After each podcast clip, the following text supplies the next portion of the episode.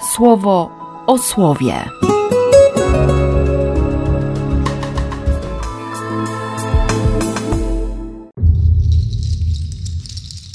Trzydziesty września, piątek.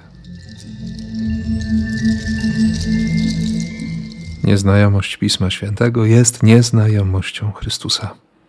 To, co powiedział święty Hieronim, cały czas jest dla mnie niezwykłym wyrzutem sumienia, nieprawdopodobnym. A z drugiej strony nieprawdopodobnie mobilizuje do tego, żeby, żeby poznać Słowo, żeby uczyć się Słowa, żeby być jak Hiob dzisiaj w tym pierwszym czytaniu.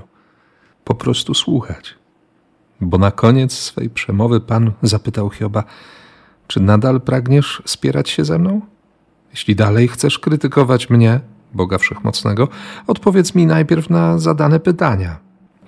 Wtedy Hiob odparł Panu takimi słowami: Jestem niegodny, bym cokolwiek miał na to odpowiedzieć. Zatem na znak milczenia rękę kładę na ustach. I tak nazbyt wiele one już wyrzekły. Nic więcej nie mam do powiedzenia. I przeczytamy dalej.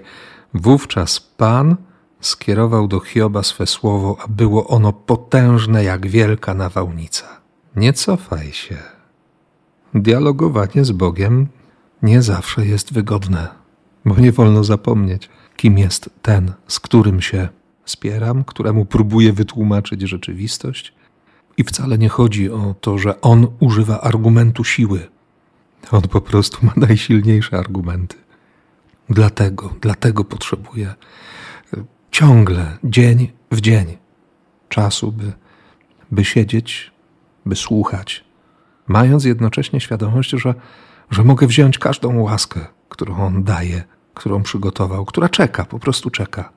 Nawet ostatecznie, jak napisał ostatnio gdzieś Marcin Jakimowicz, wcale nie muszę czekać na pozwolenie.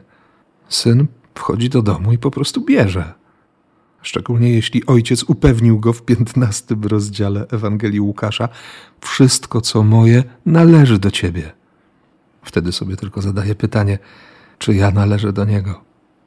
Bo od czasu do czasu do mnie przychodzi prorok i mówi to, co mieli powiedzieć apostołowie, kiedy ich Jezus wysyłał.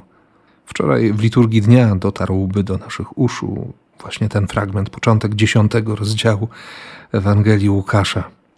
Tak bardzo bliskie mi słowo. A dziś słyszymy kontynuację. Ogłoście, ogłoście, że czeka straszliwa kara. Hmm, no niektórzy głoszą całym sercem. Gdyby bowiem w Tyrze i Sydonie miały miejsce takie cuda, jakie dokonały się u nich, dawno by się opamiętały i pokutowały w worach, posypując się popiołem.